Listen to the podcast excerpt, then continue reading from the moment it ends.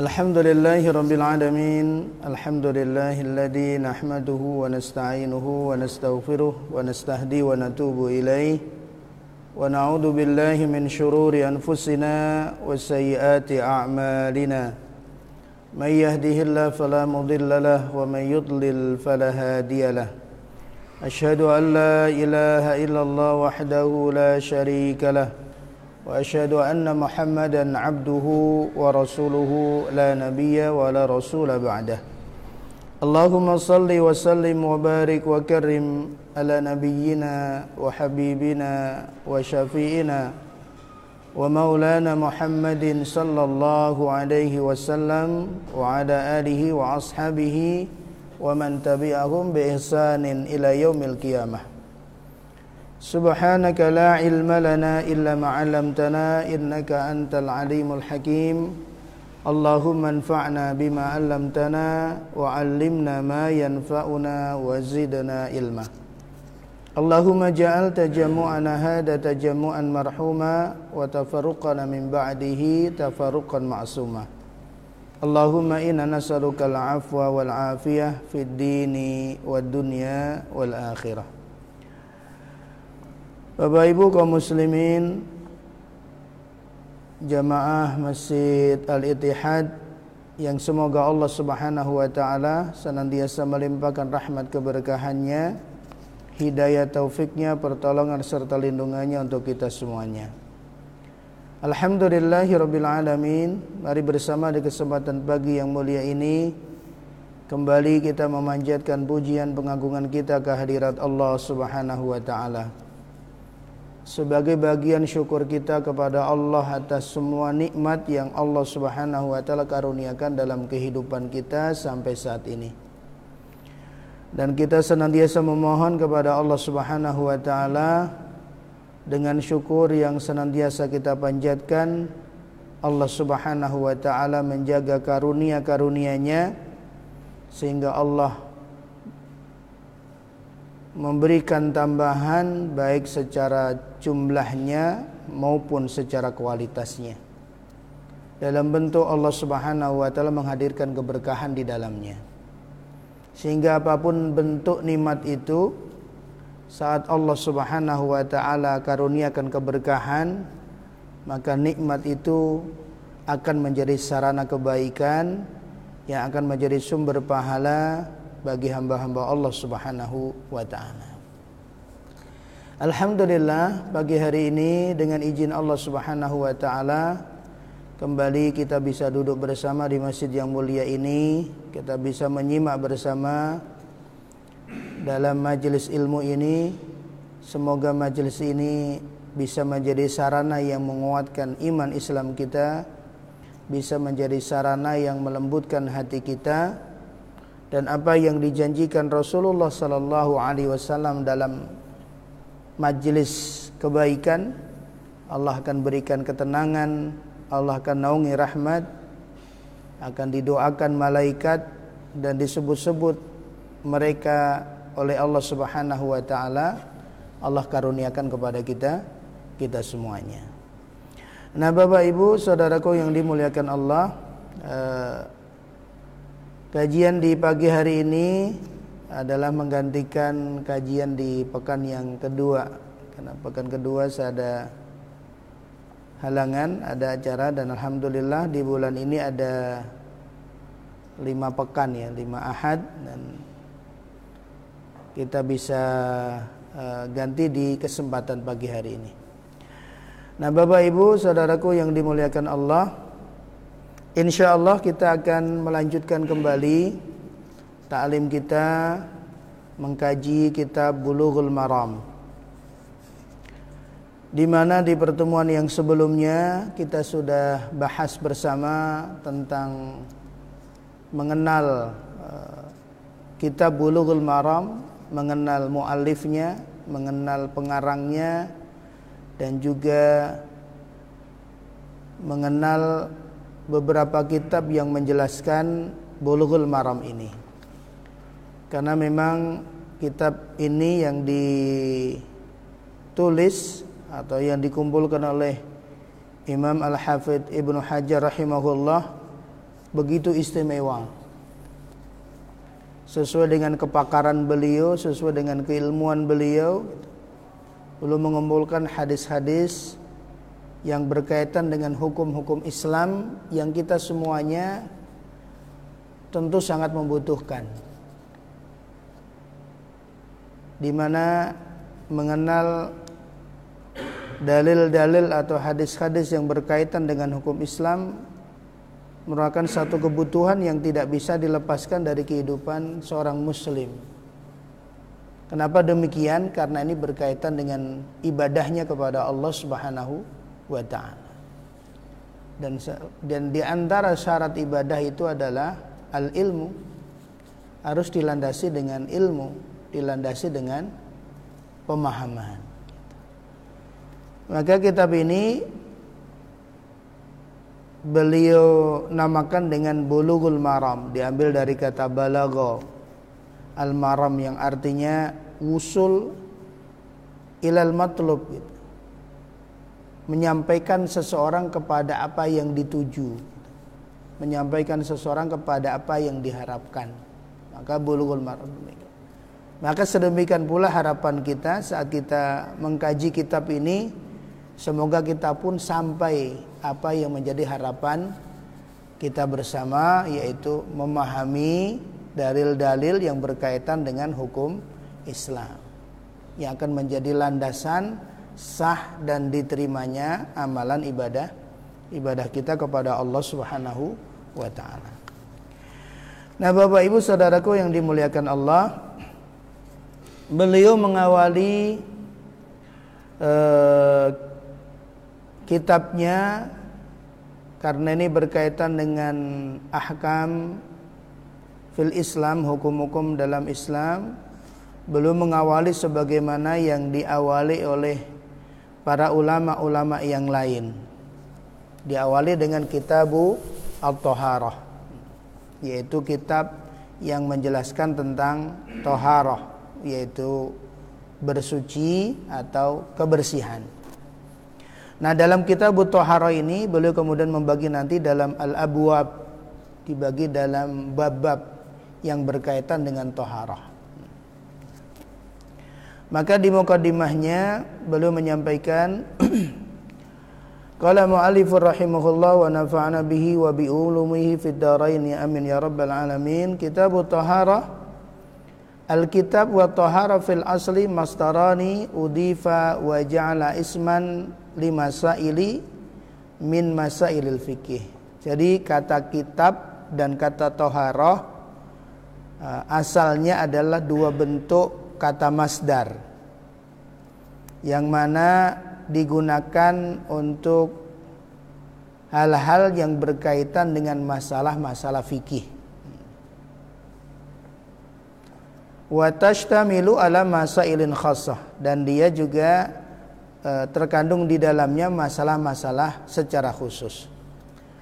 Dan beliau mengawali dengan bab toharah ittibaan li sunnatil musannifin fidalik. Dan beliau mengawali. Kenapa mengawali? Dengan bab toharah?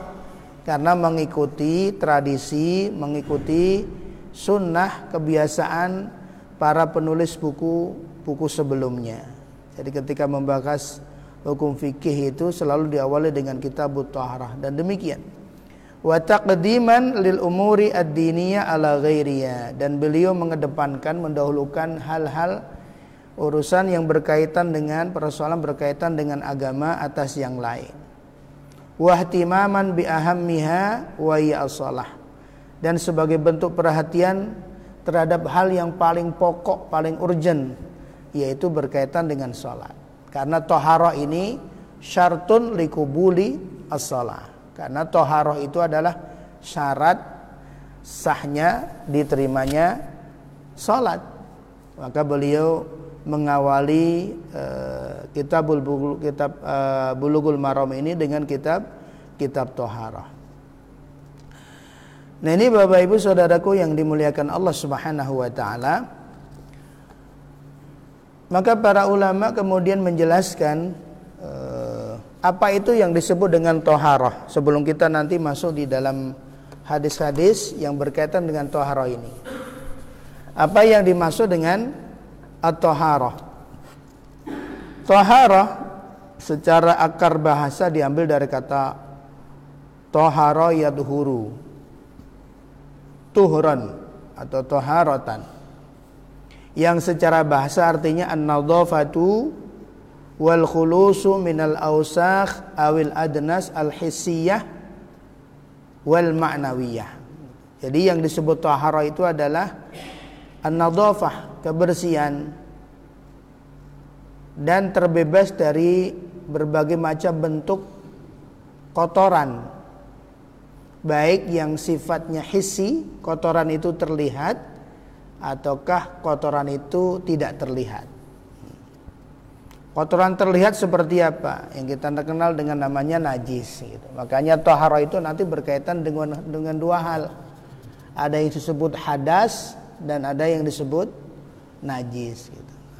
Maka semua upaya untuk menjaga kebersihan diri, kebersihan tempat, kebersihan pakaian dari dua hal itu itu disebut tohara. Maka menjaga membersihkan diri, kemudian membersihkan dari segala kotoran baik yang sifatnya hisi terlihat yaitu seperti najis, kemudian atau tidak terlihat kal uyub wal maasi seperti aib seperti dosa-dosa yang tidak terlihat. Ini juga membersihkannya disebut tohara. Maka kalau membersihkan diri dari dosa dari kelalaian kita kepada Allah disebut dengan at-taubah. Tobat itu juga bagian juz'un minat tohara yaitu apa? Tohara ma ma'nawiyah. Membersihkan hati dari ria membersihkan hati dari nifak membersihkan hati dari takabur, dari sifat-sifat tercela itu juga bagian tohara secara umum. Tapi ketika kemudian tohara ini menjadi istilah dalam fikih, maka para ulama menjelaskan yaitu raf'u ma yamna'u min hadasin au najasatin. Jadi ketika tohara ini secara definisi sudah dipakai untuk istilah fikih, maka disebut namanya menghilangkan segala sesuatu yang bisa menghalangi sahnya sholat. Jadi semua perbuatan yang dilakukan seseorang untuk apa? Menghilangkan semua hal yang mengganggu sahnya sholat, baik berupa hadas atau najis itu namanya toharo. Dengan cara apa? Bilmai au ghairihi, dengan air ataukah dengan yang lain au hukmihi biturab atau menghilangkan secara hukumnya yaitu dengan tanah. Maka kemudian ada sarananya, ada kaifiahnya, ada tata caranya, kemudian juga ada sarananya untuk menghilangkan dua tadi. Kalau toharo ini sudah didefinisikan secara fikihnya, yaitu menghilangkan segala sesuatu yang menghalangi sahnya sholat seseorang baik itu berupa hadas nanti hadas kecil hadas besar atau berupa najis. Baik najis yang mukhaffafah ringan ataukah najis yang mutawasitoh yang pertengahan ataukah najis yang mughalladah najis yang berat. Baik itu dengan air sebagai sarana utama untuk berwudu dan untuk sholat eh untuk berwudu dan untuk mandi atau sarana dengan tanah yang bisa menghilangkan hukumnya. Mungkin secara zatnya kelihatannya masih ada, tapi sebenarnya sudah bersih, yaitu dengan cara tayamum dan lainnya. Nah ini Bapak Ibu Saudaraku yang dimuliakan Allah. Lalu apa hukum toharo ini sendiri? Para ulama menjelaskan wa amma hukmu at-tahara adapun hukum toharo adalah wajibah hukumnya adalah wajib. Hukum tohara menjaga kebersihan dari najis itu wajib. Ma'ad zikri wal kudroh ketika orang itu ingat dan ketika orang itu mampu maka menghilangkan najis ini kewajiban. Sebagaimana Allah firmankan di dalam surat Al-Muddassir wasiyabaka fatahhir dan pakaianmu sucikanlah warrujza fahjur dan perilaku dosa itu tinggalkan tinggalkanlah. Jadi ketika dia ingat kemudian dia mampu hilangkan dia hilangkan. Gitu dia sholat begitu udah assalamualaikum udah keluar masjid pulang gitu. Dia baru ingat ternyata tadi celananya misalnya atau bajunya gitu. Kecipratan kena najis baru ingat gitu. Nah, maka saat ingat itu dia harus punya kewajiban untuk dibersihkan.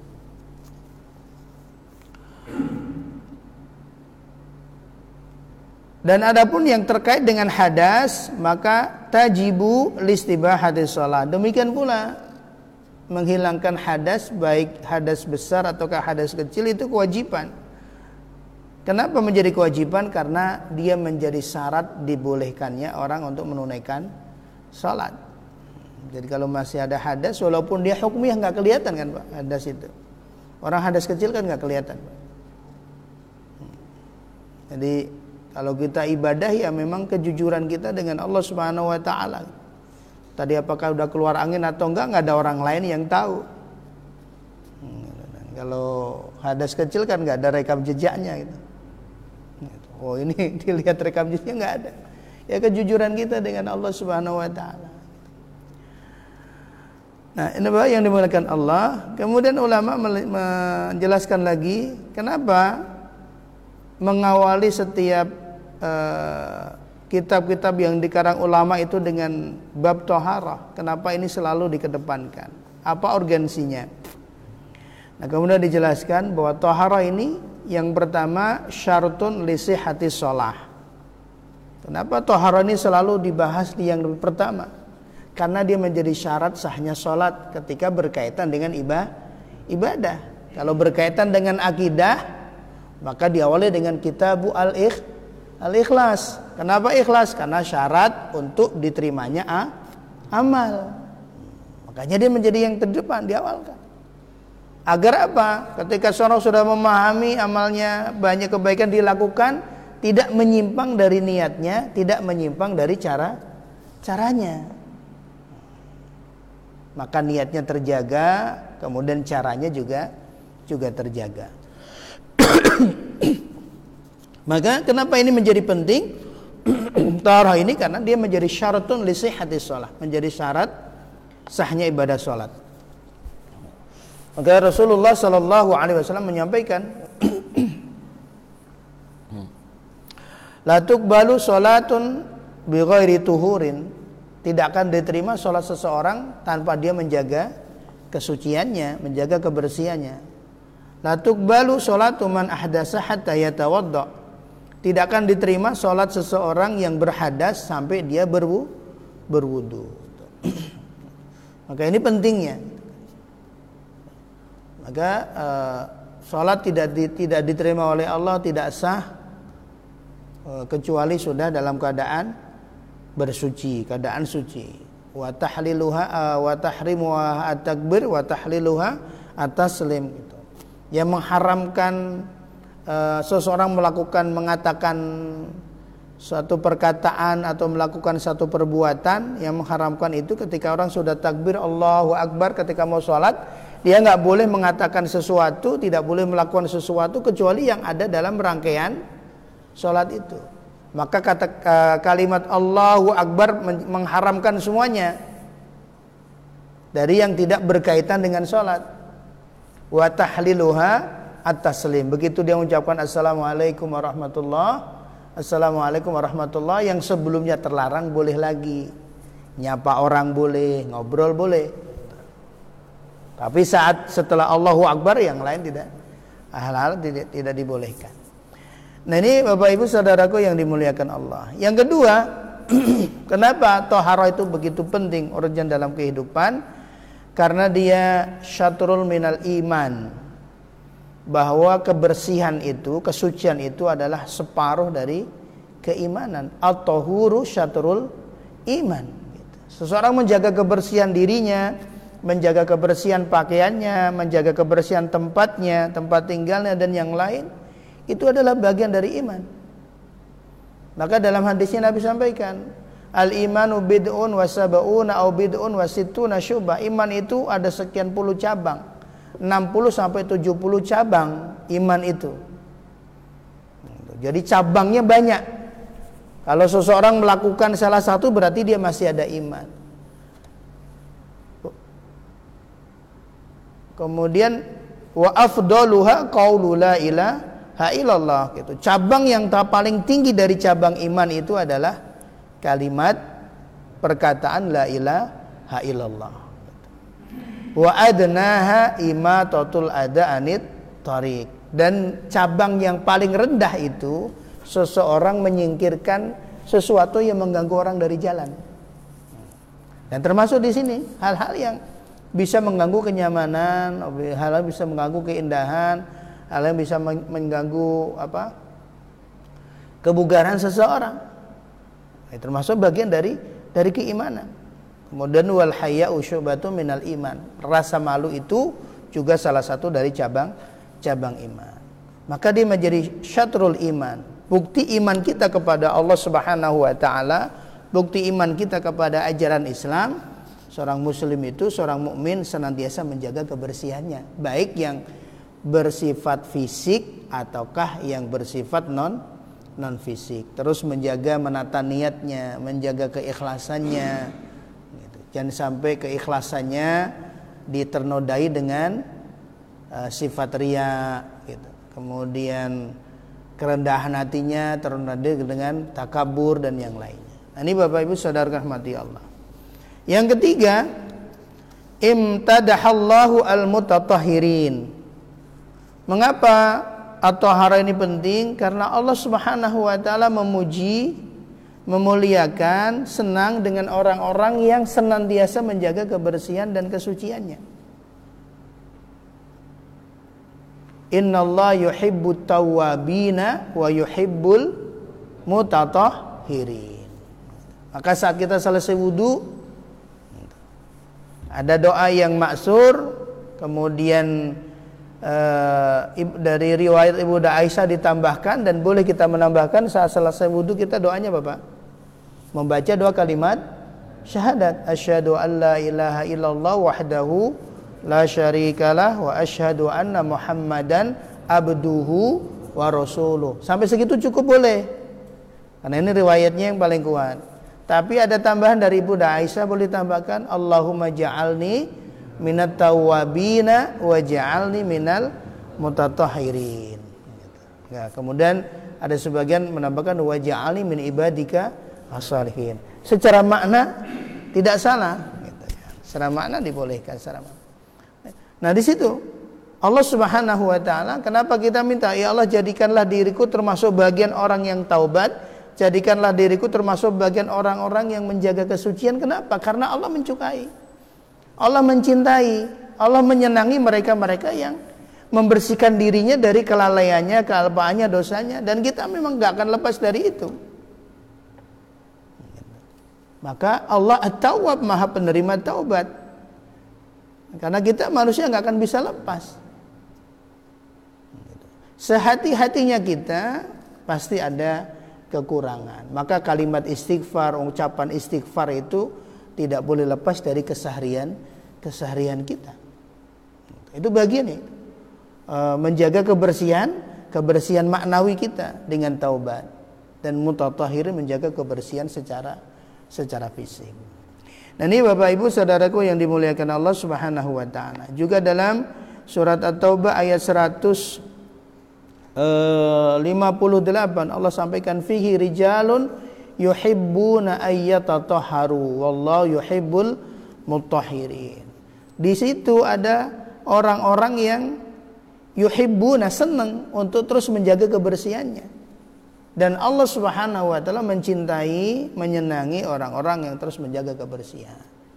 Maka di antara sunnah yang kemudian kita diajarkan untuk terus tajdidul wudu walaupun kita tadi wudhu yakin belum batal maka kita disunahkan untuk memperbarui wudhu karena memang ini amalan yang disenangi yang disukai oleh dicintai oleh Allah Subhanahu wa taala. Dan para ulama menjelaskan gitu. Di antara wasilah al-wiqayah gitu kan min wasawisi syaitan di antara sarana kita untuk melindungi diri dari was-was syaitan dari sihir dan yang lain yaitu orang yang senantiasa menjaga kebersihan dirinya.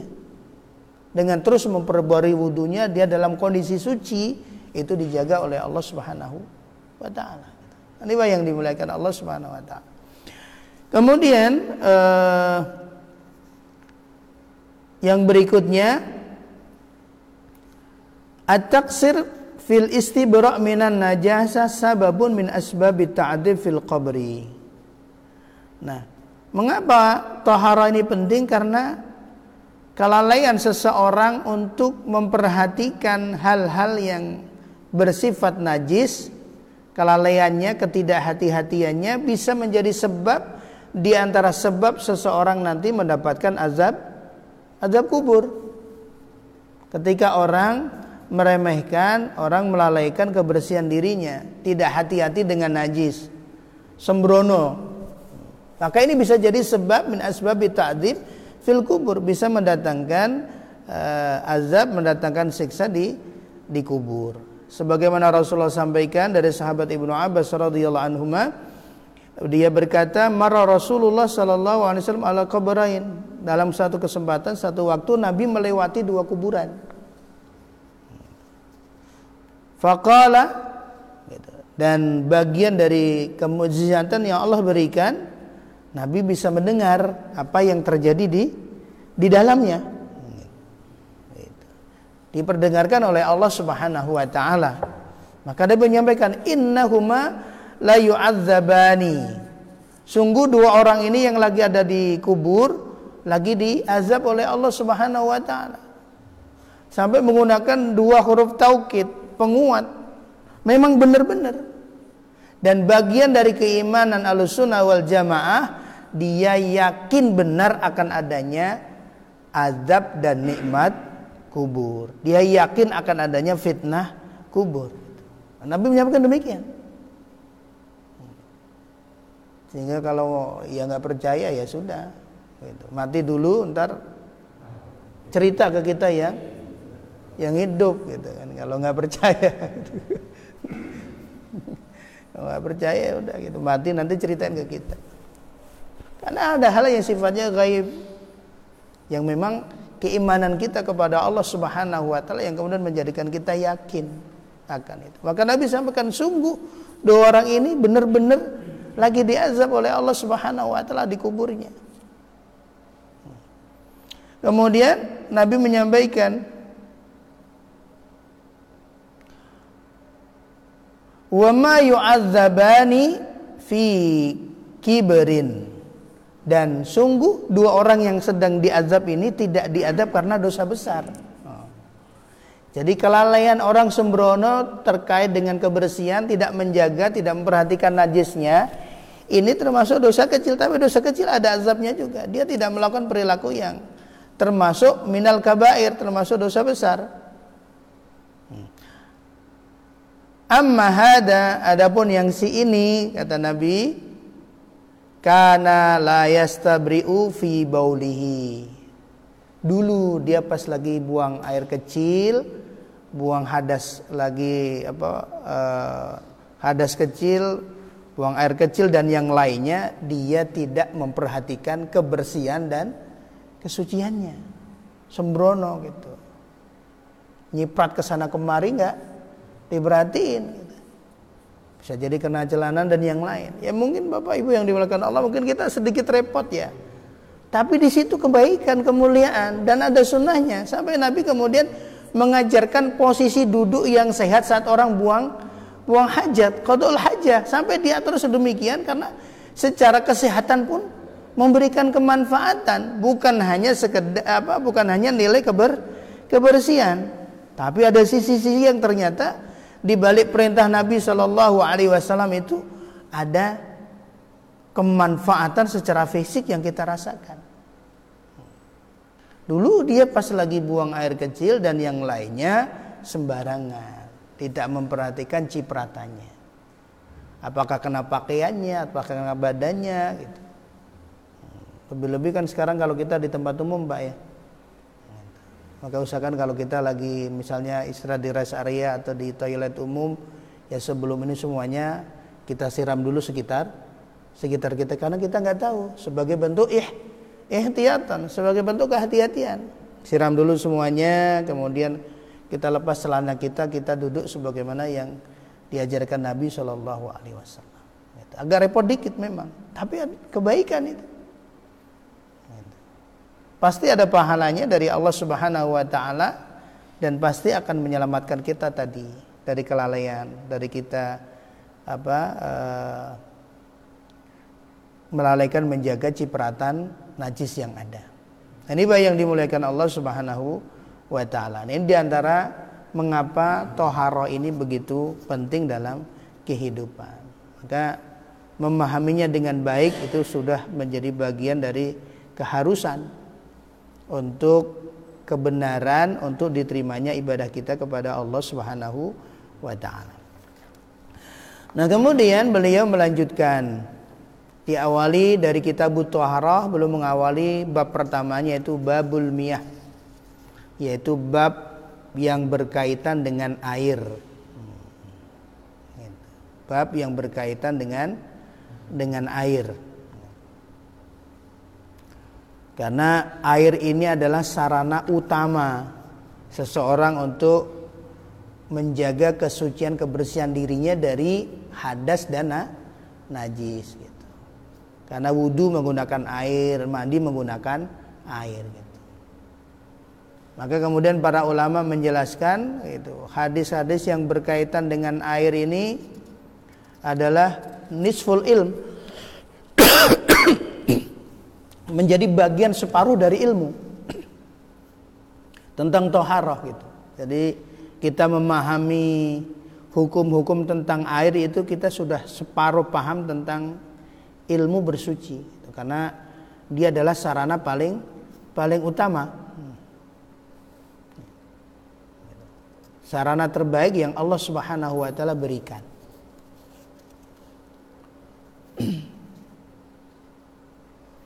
Maka apa yang dimaksud dengan air ini? Para ulama kemudian menjelaskan ma nazala minal minas sama wa ma nubigha minal ard. Yaitu yang disebut air di sini nanti yaitu apa yang turun dari langit dan apa yang bersumber dari dari bumi. Kan nanti ada macam-macamnya. Yang termasuk nanti dibagi ada air yang tohur atau kita menyebutnya tohir mutoh mutahhir. Ada air yang mutlak, air yang suci dan dia bisa mensucikan, menghilangkan hadas, juga bisa membersihkan najis. Ada air yang suci, dia suci, bisa dipakai, bisa dimanfaatkan, tapi dia tidak bisa menghilangkan hukumnya najis dan hukumnya hadas. Kemudian ada air najis, air yang e, dihukumi najis karena e, tercampur atau karena apa e, terjatuh di dalamnya benda-benda yang yang najis. Gitu. Dan sebagian ulama kemudian menyebutnya ada namanya air al mustamal, air bekas dipakai seseorang untuk bersuci. Gitu. Jadi tetesan basuhan wajah kita, kemudian tetesan basuhan tangan kita dan yang lainnya itu disebut air mustamal. Dan masing-masing ada hukumnya dijelaskan oleh para ulama.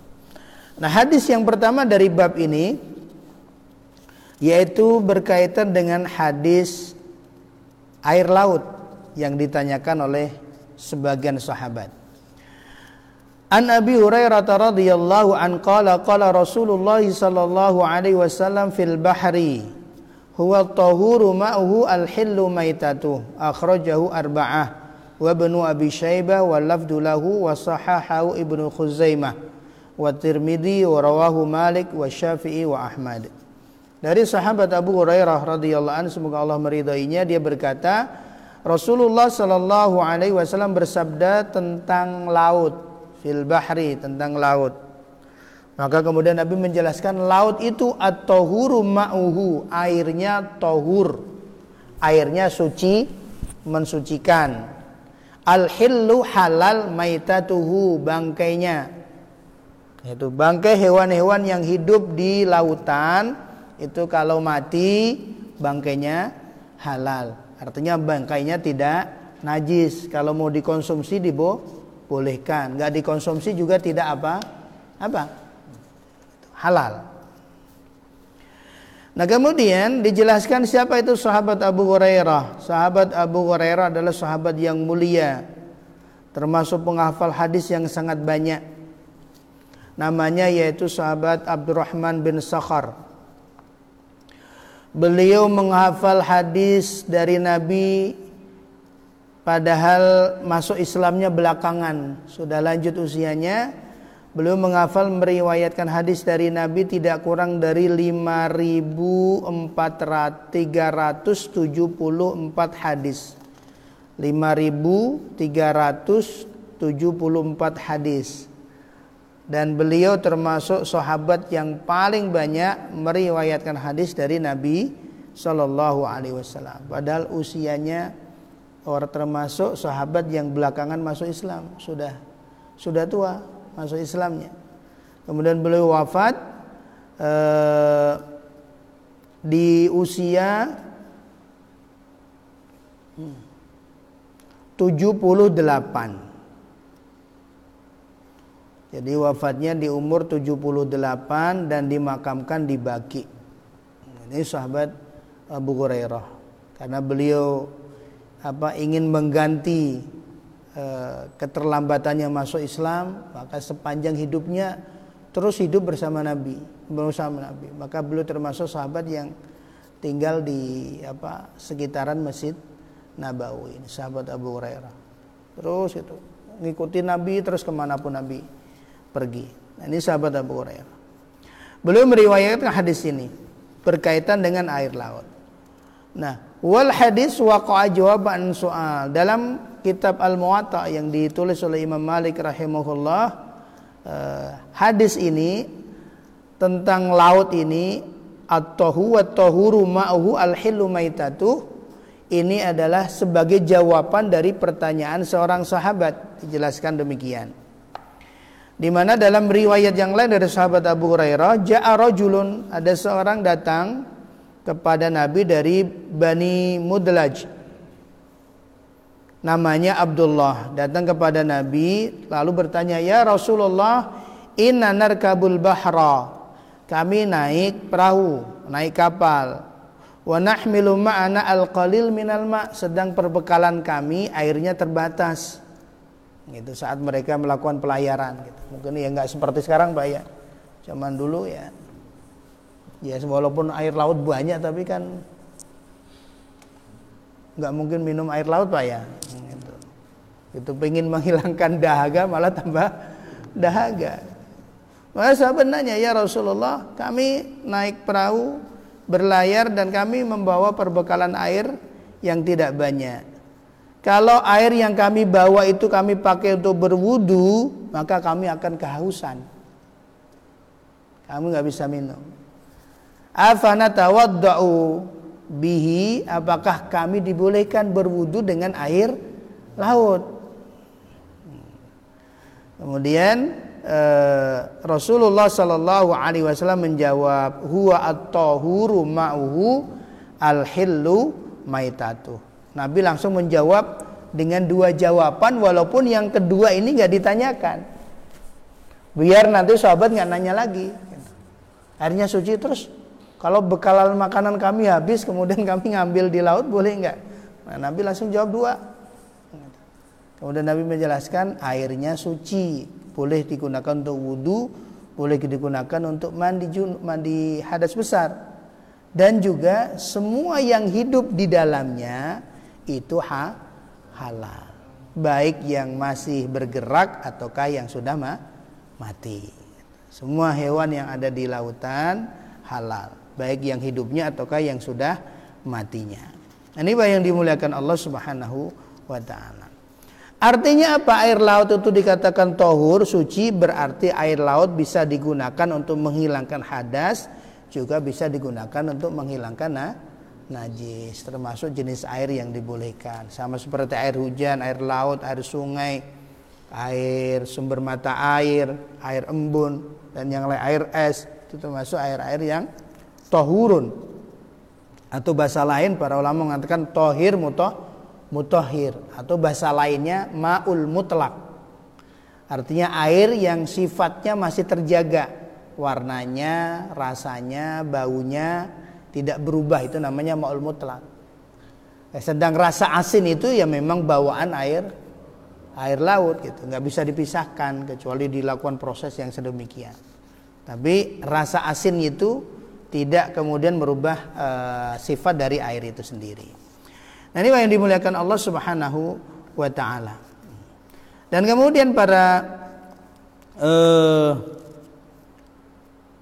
ulama menjelaskan itu di antara uh, keindahan jawaban Nabi Shallallahu Alaihi Wasallam gitu kan. untuk menyempurnakan pemahaman para sahabat yang bertanya. Jadi nanyanya satu, boleh nggak kami berwudu dengan air laut? Gitu. Nabi jawabnya nggak cuma sekedar boleh, bukan jawabannya boleh, tapi dijelaskan air laut itu suci, bukan hanya untuk wudhu saja, untuk yang lain-lain pun juga juga boleh. Dan semua binatang yang ada di dalamnya itu halal. Ini yang dimulaikan Allah. Nanti nanti terus ada yang tanya terus putri duyung halal nggak usah itu. Kebanyakan nonton itu. Ikan duyung ada mungkin dia, tapi putri duyung ya nggak ada. Gitu. Lalu kalau berlayar terus kemudian dapat putri duyung halal nggak gitu? Iya halal kalau memang ada gitu. Nah inilah yang dimuliakan Allah Subhanahu wa taala. Ini kalau orang sekarang kan aneh-aneh itu pak. Nanti bapak ibu saudaraku yang dimuliakan Allah Subhanahu Wa Taala. Ini hadis yang pertama bahwa air laut termasuk air mutlak seperti air hujan, seperti air sungai, seperti air mata air, seperti air embun, air es dan yang lain. Termasuk air mutlak. Selama tiga sifat airnya terjaga, dia bisa digunakan untuk menghilangkan hadas baik besar atau kecil dan juga bisa untuk menghilangkan najis. Gitu. Walaupun apa di situ banyak kotoran banyak apa gitu, karena jumlahnya enggak volume airnya sangat sangat banyak gitu. Maka kemudian dijelaskan pada hadis yang keduanya dari saat Abu Said Al Khudri wa an Abi Said Al Khudri radhiyallahu anhu qala Qala Rasulullah sallallahu alaihi wasallam Innal ma'a tahurun la yunajjisuhu syai'un. Akhrajahu as-salasah wa sahahahu Ahmad. Dari sahabat Abu Sa'id Al-Khudri semoga Allah meridainya dia berkata Rasulullah sallallahu alaihi wasallam bersabda sesungguhnya air hukum asal air tahurun suci mensu mensucikan La yunajjisuhu syai'un enggak ada suatu pun yang bisa menjadikan dia najis. Maka ini menguatkan hadis yang pertama tadi bahwa memang air pada dasarnya asalnya itu suci. Enggak ada sesuatu pun yang kemudian menjadikan dia dia najis kecuali nanti ada sebab-sebabnya. Siapa itu sahabat Abu Said Al-Khudri? Dijelaskan sahabat Abu Said Al-Khudri radhiyallahu an namanya adalah Sa'id Sa'ad bin Malik bin Sinan Al-Khazraji Al-Ansari Al-Khudri termasuk sahabat Ansor. Kana min ulama'i sahabah.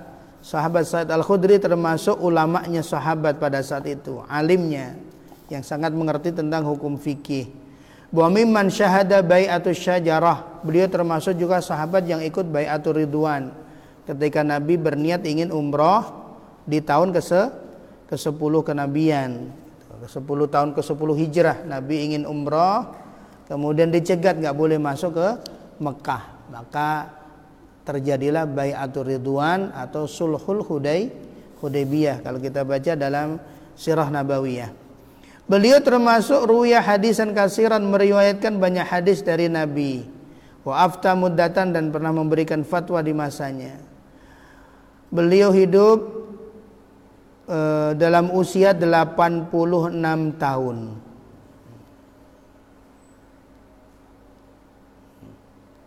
Dan banyak meriwayatkan hadis dari Nabi Shallallahu Alaihi Wasallam. Nah ini uh, Bapak Ibu saudaraku yang dimuliakan Allah Subhanahu Wa Taala. Kemudian dijelaskan oleh para ulama hadis ini ada sebabnya, ada sababul wurud. Kalau ayat Quran itu namanya sababun nuzul. Kalau hadis kalau ada apa? sebab-sebab yang kemudian hadis itu disampaikan Nabi maka disebut sababul wurud. Ada sahabat bertanya kemudian Nabi menjawab ini adalah latar belakangnya. Nah, innal ma'a tahurun la yunajjisuhu syai'un. Nah, hadis ini sesungguhnya air itu suci mensucikan. Tidak ada sesuatu pun yang kemudian menjadikan dia najis. Ini ada sebabnya. Sebabnya apa? Yaitu annahu qila li Rasulillah sallallahu alaihi wasallam bahwa Nabi Shallallahu Alaihi Wasallam ditanya oleh para sahabat bahwa di saat itu ada namanya sumur bidoah, biru budoah, di mana sumur ini karena posisinya rendah banyak kotoran yang masuk di dalamnya, termasuk eh, kalau sekarang itu eh, apa kain atau alat yang dipakai apa wanita-wanita muslimah untuk membersihkan darah haidnya. Kalau sekarang pembalut ya, kalau dulu mah belum ada pembalut. Nah itu sering apa kebuangnya ke situ dan juga kotoran-kotoran yang lain. Hmm. Ada apa bangkai binatang dan yang lainnya masuk di situ. Maka ditanyakan kepada Nabi, ana tawaddau, ana tawaddau min bi'ri budoah ya Rasulullah, boleh nggak kita wudhu dari sumur budoah ini? Karena posisinya rendah, sering kotoran masuk di di dalamnya. Apa itu sumur budoah? Yaitu bi'run yutrahu fiha al-hiyat walahmil kilab wan nitin. Yaitu sumur yang sering masuk di dalamnya gitu kan. Eh, bekas-bekas kain untuk membersihkan haid, untuk membersihkan darah haid, kemudian ada apa? Uh, bangkai anjing dan hal-hal yang yang kotor masuk ke situ. Kemudian Nabi menjawab al-ma'u tohurun bahwa air itu hukum dasarnya suci dan mensucikan. Karena nanti akan dijelaskan nanti berikutnya uh, ya air itu suci mensucikan boleh dipakai selama nanti tidak keluar dari tiga tiga sifat air itu. Maka Bapak Ibu saudaraku yang dimuliakan Allah uh, banyak hadis dari Nabi yang berkaitan dengan ini dan satu hadis dengan hadis yang lain insya Allah tidak ada pertentangan.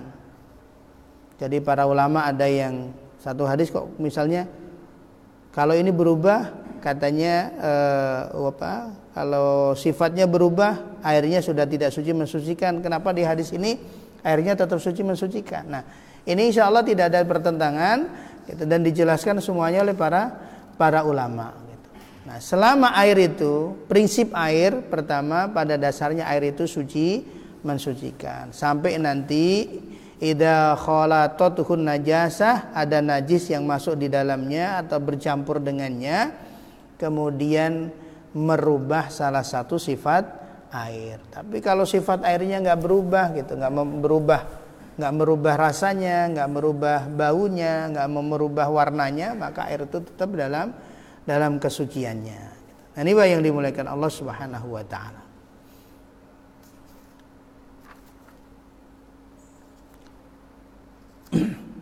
Nah ini eh, hadis yang kedua berkaitan dengan air bahwa hukum dasar air adalah suci mensucikan ya termasuk ini gitu kan.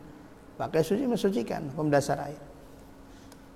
Jadi tidak ada sesuatu yang kebetulan bisa menjadikan dia dia najis. Nah, baru kemudian di hadis yang ketiga Nabi jelaskan uh, penguatnya. Apakah itu berlaku mutlak ataukah ada sebab-sebab yang kemudian bisa mengeluarkan dari kesucian air itu. Dari sahabat Abu Umamah Al-Bahili radhiyallahu an qala qala Rasulullah sallallahu alaihi wasallam Innal ma'a la yunajjisuhu syai'un. Sesungguhnya air itu tidak ada sesuatu pun yang bisa menjadikan air itu najis. Illa ma ghalaba ala rihihi wa ta'mihi wa launihi. Kecuali sesuatu yang bisa mengubah baunya, rasanya dan warnanya itu. Itu baru air keluar dari kesuciannya.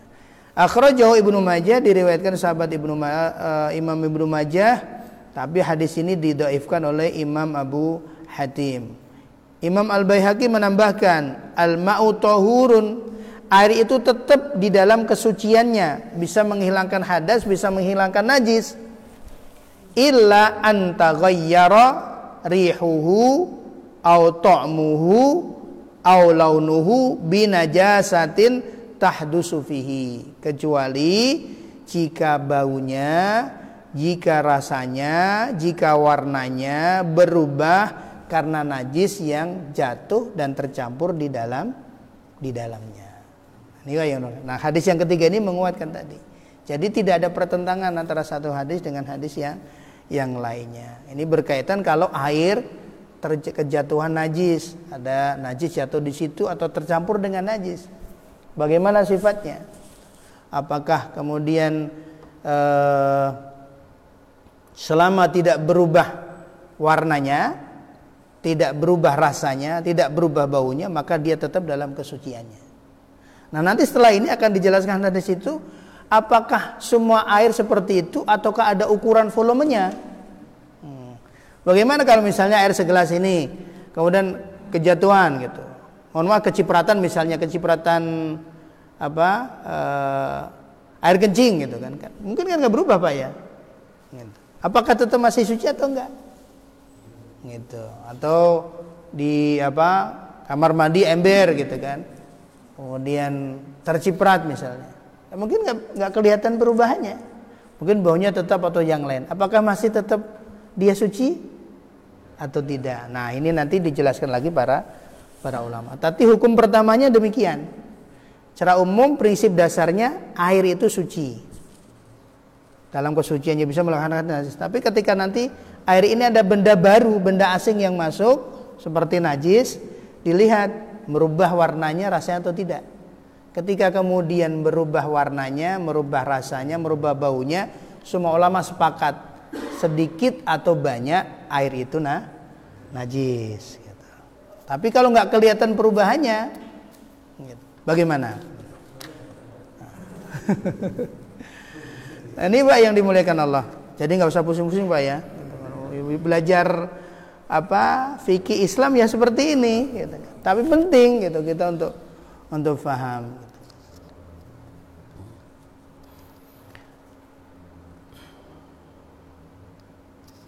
maka Imam Ibnul Mungdir kemudian belum menyampaikan. Qad ajma'al ulama semua ulama sepakat. Annal ma'al qalil wal kasir ida waqa'at fihi najasah. Air baik sedikit atau banyak ketika dia tercampur kejatuhan najis faghayyarat lahu ta'aman ta'man au launan au rihan. Lalu najis itu merubah sifat air sehingga rasanya berubah baunya berubah warnanya berubah fahuwa najisun. Maka itu najis sedikit atau banyak. Fal ijma huwa dalil ala najasati ma taghayyara ahadu awsafihi. La hadi ziyadah. Nah, ijma ini adalah menjadi dalil untuk kenajisan apa yang merubah salah satu dari sifat air itu. Nah, ini yang dimuliakan Allah. Nah, kemudian ukuran sedikit atau banyak air itu seberapa? Nah, di hadis yang keempat Kemudian dijelaskan dari sahabat Ibnu Umar radhiyallahu anhuma. An Abdullah Ibnu Umar radhiyallahu anhuma qala dari sahabat Abdullah Ibnu Umar semoga Allah meridhai keduanya, ayah dan anak. Qala Rasulullah sallallahu alaihi wasallam, Rasulullah sallallahu alaihi wasallam bersabda, "Idza kana al-ma'u kullataini lam yahmilil khabas." wa fi lafdin lam yanjus akhrajahu arba'ah wa sahahahu ibnu khuzaimah wal hakim wa ibnu hibban Ida kanal ma'u apabila air itu kullataini volumenya dua kulah. Hmm, ini jangan keliru dua kulah Pak ya. Berarti harus bikin dua kolam gitu. Enggak. Kulah di sini ukuran volume air dulu disebut. Kemudian dijelaskan para ulama banyak ukurannya. Itu jadi khamsat khamsumi atu ritlin dua kulah itu 500 ritel terus diukur-ukur-ukur kalau sekarang liter kita itu sekitar 200 sampai 300 liter hmm, itu dua kulah itu berarti air banyak Maka apabila air itu idakan alma jumlah air itu sampai pada volume sekitar 200 sampai 300 liter. kalau dia berada di satu tempat itu ukurannya 1 meter kali 1 meter kali 20 cm. Jadi kalau kolam ya 1 meter 1 meter apa dalamnya 20 Maka kalau air di situ ini sudah terhitung air banyak. Maka lam yahmilil khabas. air seperti itu nggak mengandung najis. Lam yanjus. nggak terkena Maka kalau dia kena cipratan dia bersih. Gitu. Karena ukurannya air itu bah, banyak. Berarti yang kurang dari itu berarti kalau kecipratan kemudian tidak kelihatan berubah salah satu sifatnya masih tetap suci atau najis, Pak? Eh? Nah, najis gitu. Ini yang dimulakan Allah. Maka pentingnya di sini kita menjaga kehati-hatian. Kalau misalnya di kamar mandi kita nggak ada bak mandinya atau pakai ember dan yang lain, ya tadi kita menjaga agar tidak terciprat dari dari najis. Gitu. Ini yang dimuliakan Allah. Tapi air yang kurang dari dua kulah itu boleh nggak dibuat menghilangkan hadas sama najis? Hmm. Segini nih, kurang dari dua kulah, kurang dari ukuran tadi, kulatain bisa tidak digunakan untuk menghilangkan hadas atau najis? Bi? Bisa. Itu berwudu pakai segini juga boleh. Kemudian membersihkan apa? Naj, apa? Najis, membersihkan hadas kecil dengan air, eh, air segelas juga boleh. Tapi kalau ini tercampur atau kejatuhan benda atau sesuatu yang najis, maka dia otomatis menjadi na najis. Walaupun mungkin perubahan sifatnya tidak keli tidak kelihatan. Kenapa demikian? Karena jumlahnya, volumenya kurang, tidak sampai pada air apa? Jumlahnya ba banyak, minimal air banyak tadi. Ini yang dimuliakan Allah subhanahu wa ta'ala jelas insya Allah Bapak ya hmm. Hmm. insya Allah jelas nah kemudian uh, terakhir uh, satu hadis lagi uh, pas suruk ya jam 5.27 yaitu berkait tentang hukum uh, buang air kecil hmm. ini pun sampai dalam Islam diatur karena air kecil ini termasuk najis harus dijaga gitu. Nah, bukan hanya air kecilnya saja yang dibahas gitu. Ngebuangnya pun juga dibahas.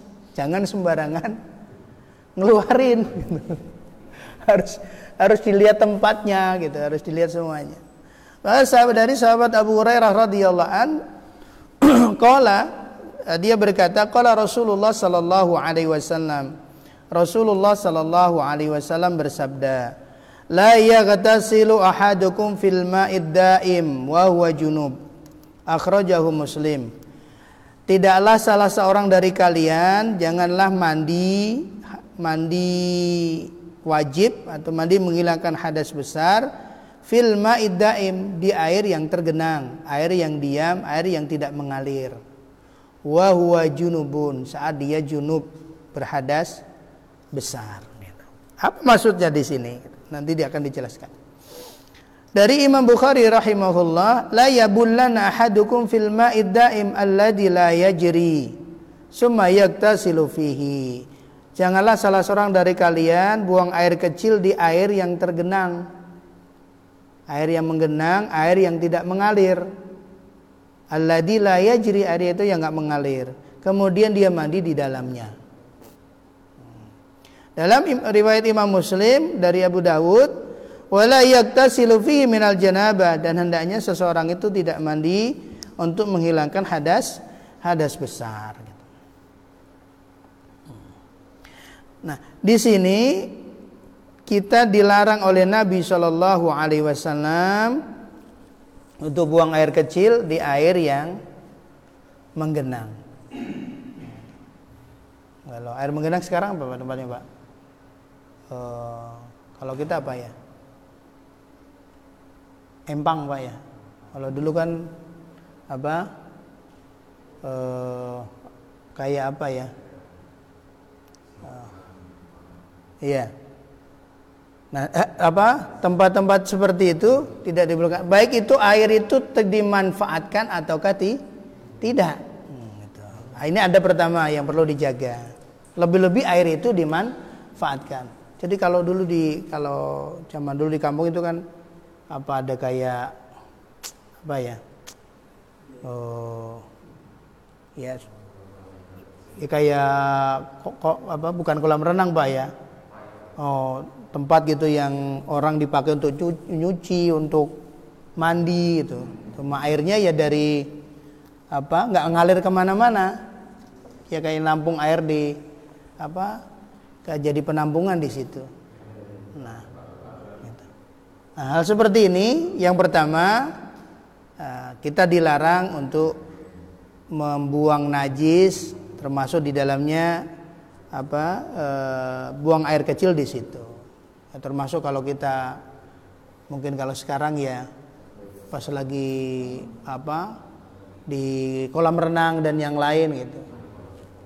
Nah, ini kalau pengen pipis ya keluar dulu gitu jangan jangan pipis di di situ gitu. Nah ini kan kejujuran pak ya kan? Gitu. Kita menjaga semuanya kebaikan untuk semuanya. Walaupun airnya mungkin banyak agak nggak ngaruh gitu. Nggak ngaruh nggak kelihatan juga gitu. Saya dong yang ngerasain ya ya iya gitu. Tapi perlu dijaga. Nah, ini termasuk eh, hal-hal uh, yang sedemikian Nabi SAW mengajarkan kepada kita.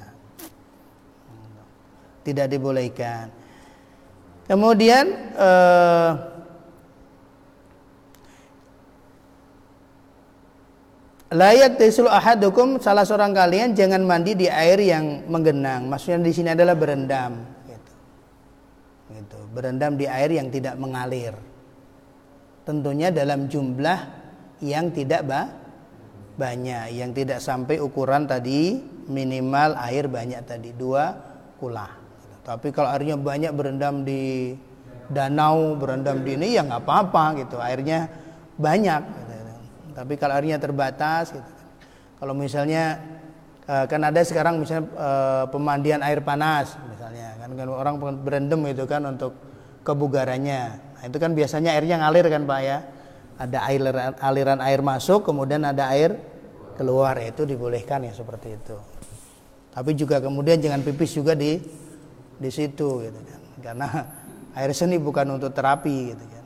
Nah ini yang dimuliakan Allah Subhanahu wa taala ini sedemikian Islam menjaga kehati-hatian untuk kita jadi eh, air tergenang untuk kebersihannya, untuk kesehatan di lingkungan jangan sampai kemudian tercampuri dengan hal-hal yang bisa menjadi sebab hadirnya eh, penyakit dan yang yang lainnya. Nah, ini yang dimuliakan Allah. Jadi di hadis ini tidak boleh itu. Berendam kemudian maka para ulama menjelaskan al jamu bainal baul sumal iktisal bih. Dia pipis di situ kemudian dia mandi di situ di air yang sama. Ini yang nggak dibolehkan. Yang perlu dijaga. Tapi kalau sekedar dia mandi kemudian dia menciduk airnya ketika airnya jumlahnya sedikit dia diciduk ya itu sah. Buat buat apa? Menghilangkan hadas hadas besar gitu.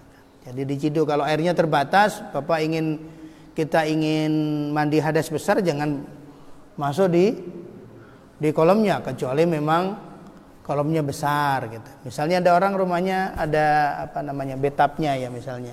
Sekarang gitu kan ada tempat untuk berendam. Ya diukur ukurannya cukup nggak gitu. Kalau misalnya tidak cukup untuk menghilangkan hadas besar dia nggak boleh berendam di di situ karena volume airnya tidak cukup. Maka dia mandi dulu kalau habis itu mau berendam ya silakan. Yang penting hadas besarnya ini mandi wajibnya sudah ditunai ditunaikan. Nah, ini yang dimuliakan Allah Subhanahu wa taala. Wallahu alam bisawab. Uh, kita cukupkan sampai hadis yang kelima karena ini hadisnya memang menyambung ya, menguatkan hadis yang satu ke hadis yang berikutnya, menjelaskan satu hadis ke hadis yang berikutnya. Nah ini Bapak Ibu Saudaraku yang dimuliakan Allah Apa yang bisa kita bahas di kesempatan pagi hari ini Semoga Allah berikan kita ilmu yang bermanfaat, majelis kita dicatat oleh Allah Subhanahu wa taala sebagai bagian dari amal-amal utama yang Semoga ini menjadi sebab kelak dimudahkan Allah Subhanahu wa taala jalan kita mendapatkan surga Allah Subhanahu wa taala. Dari saya kurang lebihnya mohon maaf. Al-afu minkum. Assalamualaikum warahmatullahi wabarakatuh.